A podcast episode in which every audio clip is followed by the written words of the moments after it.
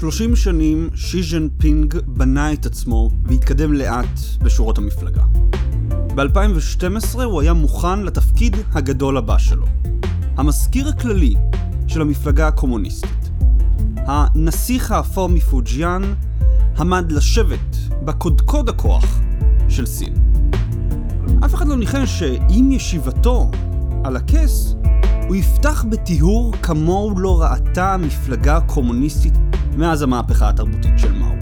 בפרק היום נלמד איך קמפיין נגד שחיתות רחב היקף הפך את שי ז'נפינג מהפקיד האפור לקיסר האדום. בואו נתחיל.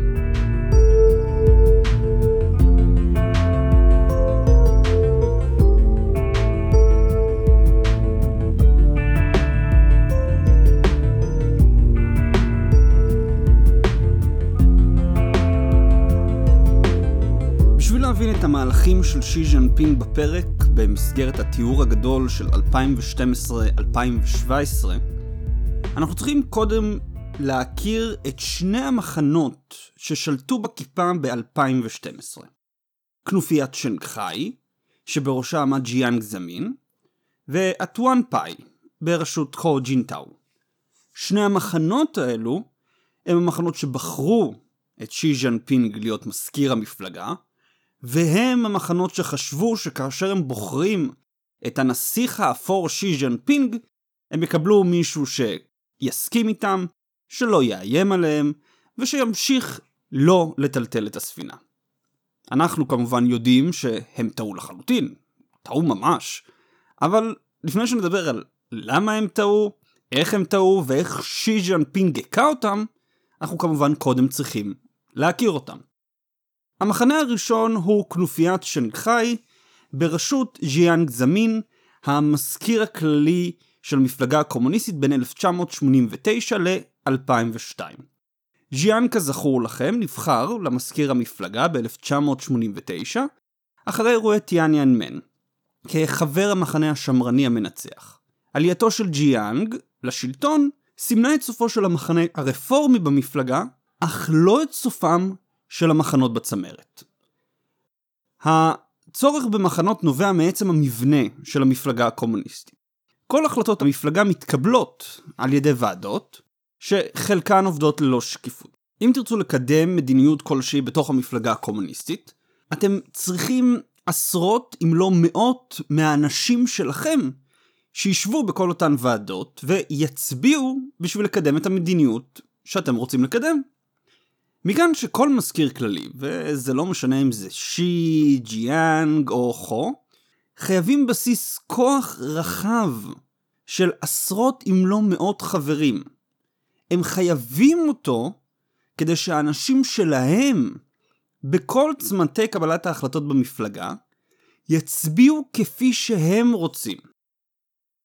ללא נוכחות משמעותית בוועדות, המזכיר הכללי הוא חסר כוח. כן, הוא יושב בפסגה, אבל לא משנה מה הוא ינסה לקדם, אם אין לו רוב בוועדה הקבועה של הלשכה הפוליטית, בלשכה הפוליטית, בוועדה המרכזית של המפלגה הקומוניסטית, בכל הארגוני המשנה של מטה המפלגה, ההחלטות שלו לא יתקבלו ולא יקודמו. אז חייבים מחנה. בנוסף, יש חשיבות גם לבסיס כוח כפוליסת ביטוח. בסיס כוח מבטיח למנהיג שגם בעתיד, כשיפרוש מתפקידו כמזכיר המפלגה, תהיה לו עדיין השפעה בתוך המפלגה. בשביל מה הוא צריך השפעה? בשביל לדאוג למשל שהמזכיר הבא לא יזרוק אותו לכלא או למחנה עבודה. בשביל גם להבטיח שהאושר שצבר בחייו לא יתפוגג ברגע. במדינה בה המפלגה היא מעל החוק, במדינה בה המפלגה יכולה לזרוק אותך לכלא סודי או להוציא אותך להורג באמצע הלילה, השפעה היא לא עניין רק של נוחות, היא לפעמים יכולה להיות ההבדל בין חיים למוות. אז כשג'יאנג נבחר ב-1989 למזכיר המפלגה, הוא הבין שהוא חייב לבנות לעצמו מחנה משל עצמו. מחנה בתוך המחנה השמרני המנצח. הבעיה של ג'יאנג, שבניגוד לדנג שיאופינג או מאו, לא הייתה לו לא כריזמה ולא חזון אידיאולוגי. הוא לא היה יכול פשוט לסחוף אחריו מאות מחברי המפלגה הקומוניסטית ולהקים מחנה חדש. אז מה נשאר לו לעשות? טוב, מכירים את הביטוי לכל אדם יש מחיר? ז'יאנג הקים את המחנה שלו, כנופיית שנגחאי, על ידי טובות הנאה ומינוי מקורבים. הגרעין של המחנה הורכב מז'יאנג וחברי מפלגה שעבדו תחתיו בתקופתו כראש העיר של שנגחאי. את שער המחנה הוא הקים על ידי העברת חלקים במשק הסיני לידי מקורבים ומשפחותיהם. לדוגמה, ז'או יאון קנג, ראש ביטחון הפנים של סין, קיבל נכסים בתעשיית הזיקוק הסינית. לי פנג, ראש הממשלה לשעבר, קיבל נכסים בתעשיית החשמל. בנו של ז'יאנג קיבל מניות בחברת טלקומיוניקציה גדולה. ככה, פקיד מושחת, ועוד פקיד מושחת. עוד נכס פה, ועוד הטבה שם. ז'יאנג זמין בנה את כנופיית שנגחאי על האידיאולוגיה של כסף וכוח. ב-2002 ג'יאנג זמין פרש מתפקיד מזכיר המפלגה, ויש אפילו אומרים אולץ לפרוש, ובמקומו מונה חו ג'ינטאו, שהיה בתפקיד מ-2002 עד 2012. לעומת ג'יאנג, לחו ג'ינטאו כבר היה מחנה טבעי במפלגה, הטואן פאי. המשמעות המילולית של טואן פאי בסינית היא חברי הליגה, והמחנה מורכב מבוגרי ליגת הצעירים של המפלגה הקומוניסטית, באנגלית The Communist Youth League או CYL.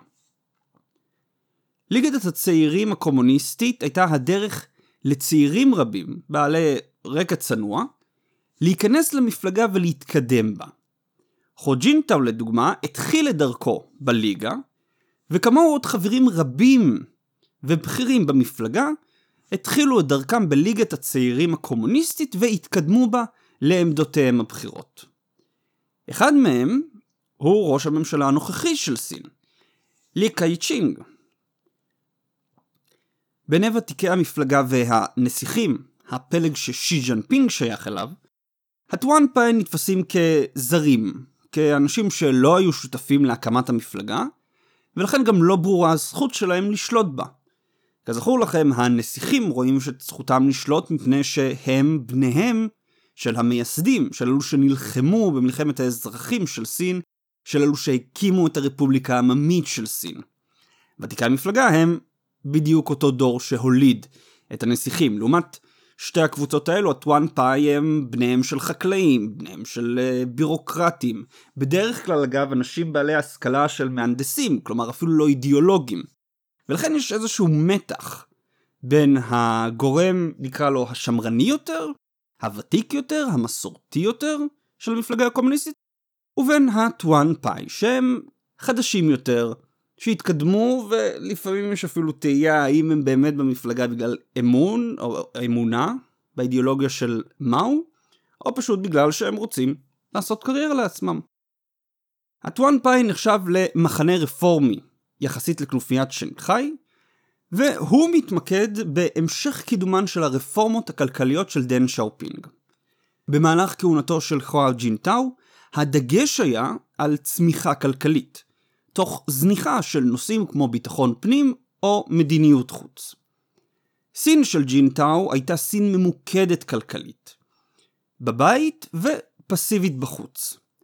זו אגב הסין שרובנו משווים אליה את סין של שי ז'נפינג היום, כשאנחנו מדברים על ההתעוררות של סין, על סין שיצאה מתרדמת, על סין שבשנים האחרונות, במיוחד מאז ששי ז'אנפינג תפס את מושכות השלטון, סין שהפכה ממעצמה פסיבית למעצמה אקטיבית בזירה הבינלאומית.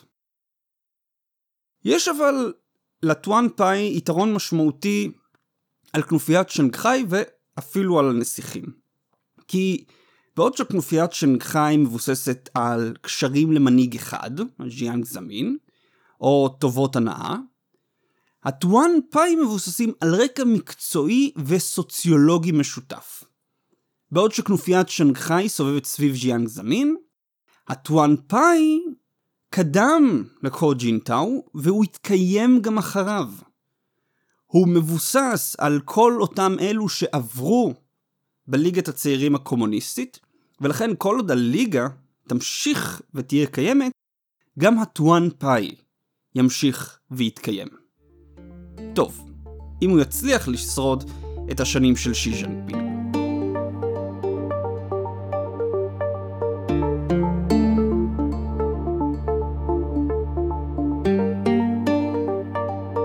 כנופיית שנגחאי וטואן פאי, ג'יאנג זמין וחו ג'ינטאו, שמרנים מושחתים מול בירוקרטים אפורים. בדצמבר 2012, בבחירות ללשכה הפוליטית ה-18, נבחר שי ז'נפינג למזכיר הכללי של המפלגה ואיתו עוד חמישה חברים מכנופיית שנגחאי לוועדה הקבועה של הלשכה הפוליטית, מרכז הכוח של סין. נראה היה שכנופיית שנגחאי זכתה בניצחון משמעותי על המחנה היריב. בלשכה הפוליטית בת ה-25 חברים, החלוקה הייתה כמעט שווה, כחצי חברי כנופיית שנגחאי וחצי אחר חברי טואן פאי, אבל שוב בוא נזכור, בתוך הוועדה הקבועה שהיא מרכז הכוח לכנופיית שנגחאי היה רוב מוחלט. ולכן גם כאשר אנחנו מסתכלים על תגובות של פרשנים פוליטיים, ממש אחרי הבחירות ב-2012, מדברים על ניצחון של אה, כנופיית אה, שנגחאי, מדברים על ניצחון של ג'יאנג זמין, מדברים על זה שכנראה מדובר פה באיזה שהם תורות, באיזושהי רוטציה, שבה הטואן פאי מוכנים לתת כרגע ב-2012 לכנופיית שנגחאי את המקום ואת השליטה בוועדה הקבועה, וב-2017, כך חשבו, הטואן פאי יקבלו את הרוב בוועדה הקבועה ותהיה מין רוטציה בין המחנות. אבל אז אנחנו מגיעים ל-2017 ואנחנו מסתכלים בבחירות ללשכה הפוליטית ה-19. בבחירות ללשכה הפוליטית ה-19 בדצמבר 2017, שני המחנות, כנופיית שנגחאי וטואן פאי, נדחקו הצידה על ידי המחנה החדש של שי ז'נפינג. מתוך שבעת חברי הוועדה הקבועה, הארבעה הם חברי המחנה של שי ז'נפינג. מתוך 25 חברי הלשכה הפוליטית, 14 הם חברי המחנה של שי ז'נפינג. עוד חמישה הם חברי הטואן פאי, ועוד ארבעה הם חברי כנופיית שנגחאי. כלומר, היום אנחנו מדברים, הרי הלשכה הפוליטית ה-19 התחילה את עבודתה ב-2017, והיא תמשיך בעד לבחירות הבאות ב-2022. אז היום השלטון בסין, במוקד של הכוח בו, יש רוב למחנה של שי ז'נפינג על חשבון שני המחנות, כולל המחנה שהוא נחשב חלק ממנו, כנופיית שנגחאי. כלומר, בין 2012 ל-2017, שי ז'נפינג בנה לעצמו בסיס כוח חדש על חשבון שני המחנות. כי אחרת, הוא לא היה מצליח להשיג את הרוב המשמעותי הזה ב-2017. ומכאן עולה השאלה, איך הוא עושה זאת? איך הבירוקרט האפור, המושל המקומי מפוז'יאן, הצליח בתוך חמש שנים לקחת את שני המחנות הכי חזקים בצמרת המפלגה הסינית, ולדחוק אותם הצידה בשביל מחנה חדש שלא היה קיים לפניו. כששי ג'נפינג נבחר בסוף 2012, המחנות במפלגה היו מוכנים לתת לו אור ירוק לקמפיין נגד שחיתות רחב היקף. שי ג'נפינג השתמש באותו קמפיין כחסות בשביל טיהור המפלגה לא רק מפקידים מושחתים, אלא גם מהאנשים שהיוו את בסיס הכוח של שני המחנות. שי ניצל את הסכמת המחנות לקמפיין נגד שחיתות בשביל להפוך אותו לקמפיין גם נגדם. ומה הביא אותם, את המחנות, להסכים מלכתחילה לאותו קמפיין נגד שחיתות? שני אירועים מרכזיים ב-2012 שגרמו להם לראות בשחיתות איום ממשי עליהם ועל עתיד המפלגה.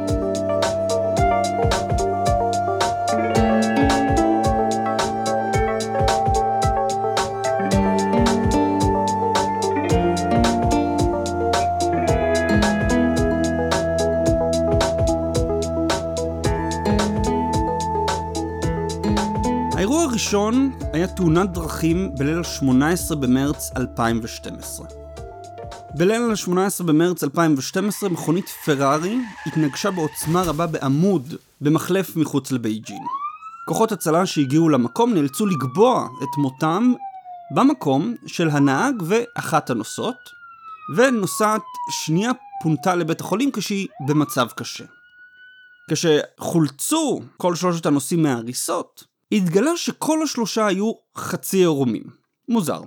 עברו השעות וגופת הנהג זוהתה כלינגו, בנו בן ה-23 של לינג ג'יגווה, בכיר במפלגה ויד ימינו של קו ג'ינטאו. כשג'יגווה שמע על מות בנו, הוא נתקף פאניקה. לא מפני שבנו נהרג בתאונת דרכים, קורה, אלא מפני שהוא נהרג בעודו נוהג במכונית יוקרה, מלווה בשתי נשים. לאור העובדה שכל יושבי המכונית היו חצי עירומים, הם כנראה לא דנו בתורתו של החבר מהו, או איך להפוך את סין למדינה סוציאליסטית גדולה. האב חשש שהתאונה תחשוף את סגנון החיים היוקרתי של בנו, ותציג אותו, את ז'יגווה, כעוד בכיר מפלגה מושחת, שבנו חי חיי מותרות על חשבון העם הסיני. אז מה ג'יוואן ניסה לעשות? מה שכל פקיד מושחת מנסה לעשות. הוא ניסה להשתיק את הסיפור. אבל, לצערו, הוא נתפס במעשה, ולא רק שהסיפור נחשף, אלא גם נחשף שהאבא ניסה להעלים אותו. הסערה שהתעוררה בעקבות הפרשייה אילצה את ג'ינטאו להדיח את בעל בריתו. ג'יווה הוסר מהלשכה הפוליטית והועבר למשרה צדדית במטה המפלגה. אחד האנשים החזקים במפלגה הקומוניסטית ואחד החברים הבכירים במחנה הטואן פאי, חוסל פוליטית בגלל פרשיית נהנתנות. אירוע ראשון. האירוע השני והחמור יותר, שהוסיף על האירוע הראשון, על ההבנה של צמרת המפלגה שיש פה באמת בעיה חמורה של שחיתות, היה החשיפה של פרשת רצח איש העסקים הבריטי, ניל הייווד, בידי אשתו של בו שילאי. בפרק הקודם דיברתי בקיצור על בו. כמו שי ז'ינפינג, גם בו היה נסיך, שבנה לעצמו קריירה פוליטית מרשימה, במטרה לזכות בתפקיד מזכיר המפלגה. בניגוד לשי ז'ינפינג, בו העדיף לבנות את הקריירה שלו באור הזרקורים. הוא יצא בקמפיין פומבי לנקות מפשע את העיר דליין, שבראשה עמד, ובקמפיינים נאו-מאואיסטים להעלאת מורל לתושבים. הוא קודם מתפקידו כראש העיר דליין ב-2007, וב-2012 היה חבר בלשכה הפוליטית. שני צעדים מתפקיד המזכיר הכללי. אבל הוא לא יזכה להגיע לשם. בפברואר 2012 מפכ"ל המשטרה בדליין הגיע לקונסוליה האמריקאית וביקש מקלט מדיני. המפכ"ל טען שיש בידיו ראיות שאשתו של בו, גו קיילי, הרעילה את איש העסקים הבריטי ניל הייווד, עקב חילוקי דעות עסקיים. בשביל להעלים ראיות, המשטרה מיהרה לשרוף את הגופה, וטייחה את המקרה. הדבר עורר את זעמו של המפכ"ל, כי יש פה טיוח של מקרה פשע חמור, והוא החליט להתעמת עם בואו שיילי על העבירות של אשתו. בוויכוח שפרץ ביניהם בו סתר למפכ"ל ואיים עליו שלא ידבר על המקרה. בימים שלאחר הוויכוח, המפכ"ל הבין שיכול להיות שגם חייו נמצאים בסכנה, והוא החליט לברוח לקונסוליה האמריקאית ולבקש מקלט על חייו, בתמורה לפרסום וחשיפת פרשיית הרצח. האמריקאים הקשיבו לו, אבל סירבו לתת למפכ"ל מקלט מדיני. בין השאר בגלל שאותו מפכ"ל היה מעורב בקמפיין נגד פשע של בואו שיילי, בו הוצאו עדויות תחת עינויים, בשוחד וגם טויחו מקרים.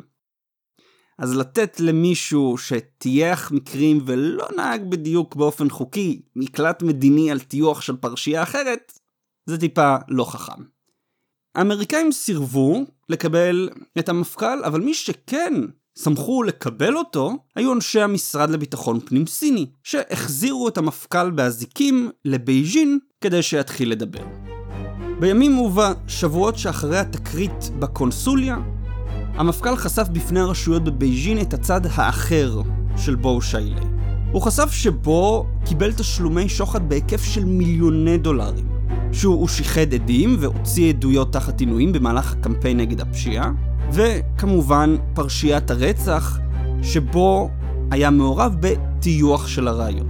המפכ"ל הראה שבו שיילי, הנסיך הנוצץ, הכוכב העולה, הוא לא רק מושחת עד העצם, אלא גם מסוכן מאוד.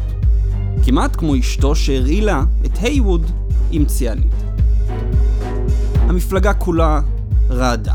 נוסף על לי ובו, חבר מפלגה בכיר נוסף במקאו נתפס אחרי שמצאו בקירות ביתו כמויות גדולות של כסף וזהב. התחושה בהנהגה הייתה שלא רק שהמפלגה מאבדת את הלגיטימציה בעיני העם, היא גם מאבדת מיליונים בגלל הנהנתנות של פקידים מושחתים. הצמרת הייתה מוכנה לשינוי. היא הייתה מוכנה לשלם מחיר, לא משנה כמה הוא גבוה, בשביל לוודא שנגע השחיתות בתוך המפלגה מוסר. היא הייתה מוכנה לתיאור הגדול של שי ז'אנפינג.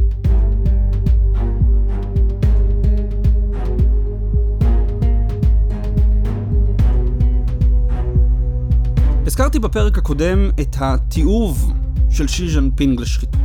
שי ראה בפקידים מושחתים לא רק אנשים שמבישים את עצמם, אלא גם איום על המפלגה הקומוניסטית עצמה.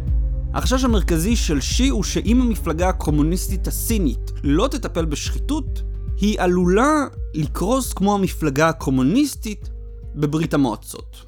בשביל להסביר עד כמה נושא השחיתות חשוב לשי ז'אנפינג, אני אדלג מעט קדימה, לתחילת שלטונו של שי ב-2013.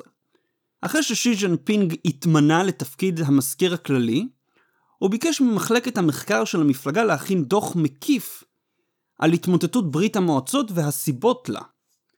הדוח מציין בין השאר שתי סיבות מרכזיות. שחיתות במפלגה הקומוניסטית הרוסית, יחד עם עיבוד המרכיב האידיאולוגי בה. לפי הדוח, חברי המפלגה הקומוניסטית הרוסית בשלהי ימיה של ברית המועצות, כבר לא היו באמת קומוניסטים. הם היו פוליטיקאים מקצועיים, אנשים שבאותה מידה היו יכולים להיות קפיטליסטים. מבחינתם, מרקס ולנין היו עוד שני אנשים, לא ההוגים הגדולים של המהפכה הקומוניסטית הדגולה. בשביל להדגים את הנקודה הזאתי, הדוח מביא בדיחה ששי ז'אנפינג מאוד נהנה ממנה, וככה היא הולכת. ברז'נייב, המזכיר הכללי של ברית המועצות, מביא את אמו למוסקבה. הוא מראה לה בגאווה את הסוויטה הנשיאותית שלו בקרמלין, את הלימוזינה ואת חיי המותרות שהוא עכשיו חי. טוב, מאמושקה? מה את חושבת? אומר ברז'נייב. לא תצטרכי עוד לדאוג לדבר אי פעם. אוי, ליונידל'ה שלי, אני כל כך גאה בך, אומרת אמא. אבל מה יקרה כשהקומוניסטים יגלו את זה? באמצע 2012 המפלגה סערה בגלל פרשיות שחיתות והדוניזם שהגיעו לדרגות הכי בכירות של המפלגה. הקרקע הייתה מוכנה למערכה נגד שחיתות, שתנסה לעקור אותה מהשורש. שי ז'נפינג היה יכול לפתוח אותה ברעש וצלצולים, להכריז על קמפיין נגד שחיתות חסר תקדים ולעורר התנגדות ברחבי המפלגה אליו. אם הוא היה בוחר בדרך הזאת של הסתערות קדימה ורעש וצלצולים, כנראה שהמפלגה הייתה מעיפה אותו עוד לפני 2017 ואנחנו עכשיו לא היינו מנהלים את הסדרה הזאת. שי ז'נפינג בחר בדרך אחרת. הוא בחר לבנות קונצנזוס לפני שהוא יתחיל. והוא בחר לעשות את זה ממיטת בית החולים. בספטמבר 2012 שי ז'נפינג נעלם. למשך שבועיים הוא נמנע מכל הופעה או פגישה. הוא אפילו ביטל פגישה מתוכננת עם מזכירת המדינה דאז, הילרי קלינטון, ועם ראש ממשלת סינגפור. מה עשה שי בבית החולים?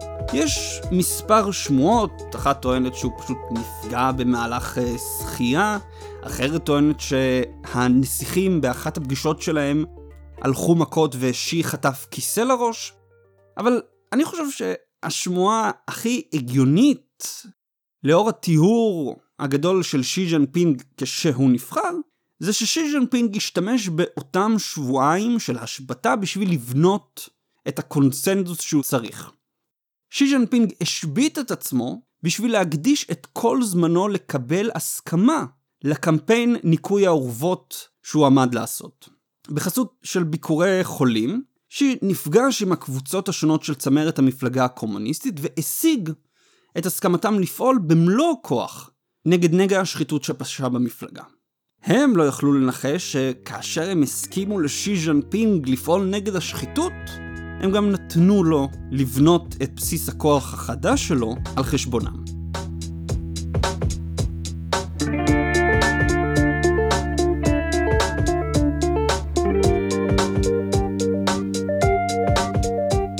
מיד הם ייכנסו לתפקיד מנהיג המפלגה, שהבטיח שהמפלגה תרדוף חברי מפלגה מושחתים, פשפשים ונמרים כאחד. פשפשים הם פקידי מפלגה נמוכי דרג. חבר'ה שבתמורה לארוחה מפנקת או בקבוק אלכוהול טוב, עוזרים לאנשי עסקים לקדם את ענייניהם. נמרים לעומתם הם חברי מפלגה בכירים, שניצלו ומנצלים את מעמדם במפלגה בשביל להקים אימפריות פרטיות בתוך המדינה הסינית. הביטוי אגב, פשפשים ונמרים, לקוח ישירות ממר ומקמפיין נגד שחיתות שלו.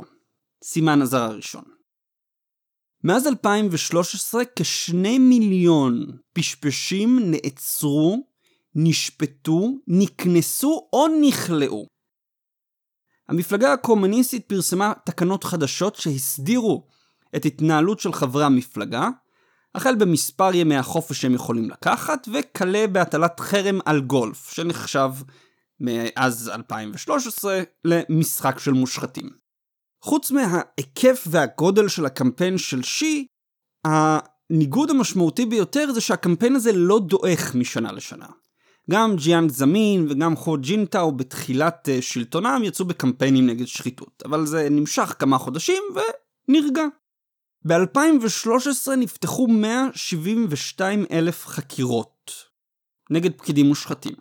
שנה הראשונה. ב-2015 נפתחו 330 אלף חקירות. ורק במחצית הראשונה של 2018 נפתחו 302 אלף חקירות. כלומר, הקמפיין של שי לא דועך עם הזמן, הוא שומר על רמתו ולפעמים אפילו מתחזק. הוא הביא לשיתוק כללי בקרב הדרגים הזוטרים במפלגה ותסכול רב אצלם, נושא שעוד נעסוק בו בהמשך הסדרה, אבל כרגע אני רק שם אותו כהערה. חוץ מפשפשים, שי גם שם את ידיו על נמרים בכירים מאוד. רובם שייכים למחנה של ג'יאנג זמין, המחנה שפרשנים רבים חשבו ששי שייך אליו. בין הנמרים החשובים ששי תפס היו לינג ג'יהווה, כן, אותו לינג ג'יהווה שבנו נהרג, ב-2014 הוא גם הושלך לכלא על שחיתות. ג'ואו יונגקאנג, בעל הברית הקרוב של ג'יאנג זמין וחבר לשעבר בלשכה הפוליטית. ושני הסגנים של יושב ראש הוועדה הצבאית המרכזית, גנרל שו קאיהו וגנרל גואו בושיונג. שניהם חברים בכירים בכנופיית שנגחאי של ג'יאנג. התפיסה של ארבעת הנמרים הללו הפכה את שי ג'ינפינג לשליט החדש של המפלגה הקומוניסטית. למה? ראשית, היא חיסלה את המעמד המועדף של בכירי המפלגה. ז'או יאון קנג הוא חבר המפלגה הבכיר ביותר שנעצר ונשפט על עבירות שחיתות. ז'או הוא חבר לשעבר בוועדה הקבועה של הלשכה הפוליטית. כלומר, הוא אדם שישב במרכז הכוח של המפלגה. בדרך כלל בקמפייני שחיתות לא נגעו, אפילו לא הסתכלו לכיוון של אנשים במעמד כל כך בכיר. ושי ז'נפינג תפס אותו, עצר אותו לשחיתות וזרק אותו לכלא. שי ז'נפינג הראה במעצר שלו שאין יוצאים מן הכלל. או הנחות למישהו על פי המעמד שלו, או על פי השיוך המפלגתי שלו, על פי המעמד המשפחתי שלו. כולם יידרשו להתיישר עם המנהיג, או שיסולקו מהמפלגה. שנית, המעצר של הגנרלים שו וגוואו הראה שגם הצבא יהיה כפוף לרצונו של שי ז'נפינג. המעצר של השניים לווה בסדרה של רפורמות משמעותיות בצבא. חוץ מלהגדיל את היכולת של הצבא הסיני לבצע מבצעים הרחק מגבולות המדינה, הרפורמות גם הגדילו את השליטה של הוועדה הצבאית המרכזית בצבא. במקביל לשינוי המבני, עוד מאה גנרלים בכירים הצטרפו לשוב וגואר בבית הכלא על עבירות בשחיתות. כשהרפורמות הסתיימו וניקוי האורוות היה בשיאו, שי הוסיף לעצמו את התואר ראש הכוחות המזוינים, כציון וכסימן לשליטתו על צבא השחרור העממי. שלישית, המעצר של בכירים במחנה של ג'יאנג זמין פגע קשות בכוחו של המנהיג הזקן. בעשור של הו ג'ינטאו לג'יאנג הייתה השפעה רבה, הודות למיקום של בעלי בריתו בצמתי כוח של המפלגה. המעצר של אותם בעלי ברית תחת שי צמצמה את ההשפעה של ג'יאנג ואפשרה לשי ג'ינפינג חופש פעולה גדול יותר. חופש פעולה שהוא ניצל בשביל לקבע את עצמו כמנהיג ליבה של המפלגה ב-2017 ולהסיר את המגבלה על מספר הקדנציות שלו כנשיא סין בתחילת 2018.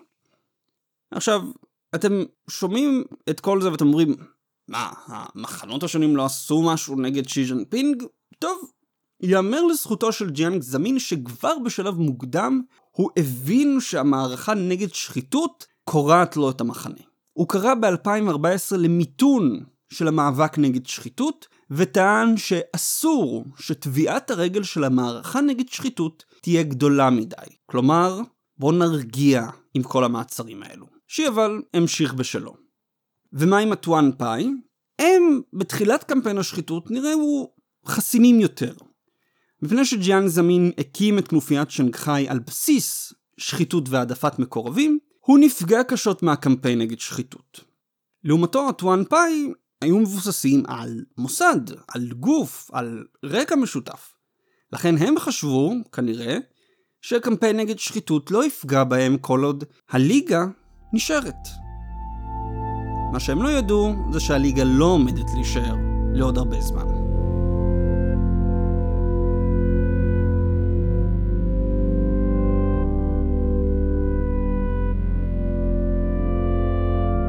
המעצר של לין ג'יווה ב-2014, יד ימינו של חו ג'ינטאו, הוביל לחשיפה של מספר בכירים בליגה שהשתמשו בכוחם להשיג טובות אישיות. המעצר שלהם הוביל בתורו לחקירה נרחבת של כל הליגה, במטרה להעריך את, תח ציטוט, האופי של חברי ובוגרי הליגה. סוף ציטוט. הממצאים, באופן לא מפתיע, לא היו מחמיאים. החקירה מצאה שחברי הליגה ובוגריה הם בירוקרטים מדי, אריסטוקרטים, וממוקדים בלדאוג לעצמם במקום לשרת את המפלגה הקומוניסטית. כלומר, במקום להיות חממה לגידול המנהיגים האידיאולוגיים של סין, החקירה מצאה שהליגה היא בעיקר דלת אחורית לאינטרסנטים להיכנס לתוך שורות המפלגה. באפריל 2015 שי ז'אנפינג בכנס של המפלגה הקומוניסטית ובעקבות ממצאי החקירה, הזהיר שליגת הנוער עלולה להידחק לשוליים בעיני הנוער ובעיני המדינה. בפברואר 2016, קצת פחות משנה אחרי האמירה הזאת של שי ג'ינפינג על דחיקת הליגה, פרסם העיתון הממשלתי Beijing Daily שחברי הליגה אריסטוקרטים מדי ומרוכזים בעצמם, ושחברי הליגה צריכים להתכונן לימים קשים שעומדים להגיע. חודש אחר כך הגיעו הימים הקשים. בתחילת מרץ 2016 העיתון The Global Times פרסם שהתקציב של ליגת הנוער הקומוניסטית יקוצץ בחצי. הקיצוץ יגיע ביחד עם תוכנית רפורמות נרחבת בתוך הליגה, שמטרתה למצוא ולהעניש חברי ליגה מושחתים או אגואיסטים, שמשרתים בעיקר את עצמם. כך, במכה אחת, הליגה צומצמה מגוף חשוב במפלגה הקומוניסטית לגוף שולי. המכה ששי ג'נפינג עשה פה לטואן פאי היא כפולה. היא גם פוגעת ביוקרה ובכוח שלהם, והיא גם פוגעת בסיכוי שלהם להגדיל את מספרם בצמרת המפלגה. כי אם יש פחות חברים בליגה ב-2019, יהיו פחות מועמדים פוטנציאליים מהליגה לוועדה המרכזית בשנים הבאות. היתרון שהיה לטואן פאי, שהחלק של חבריה בהנהגה הבכירה גדל בכל שנה, נמחק.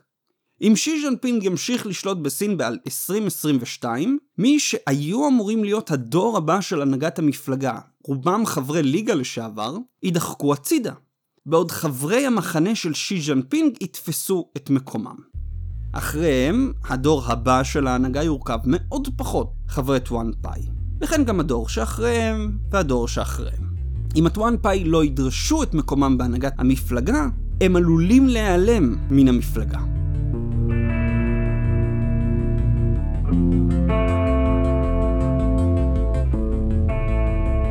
בדצמבר 2012 שי ז'נפינג נעמד על הבמה באולם הגדול של העם אחרי בחירתו למזכ"ל המפלגה. הוא עמד שם כאחד בין שווים, שחקן נוסף במשחקי הכוח של צמרת המפלגה הקומוניסטית.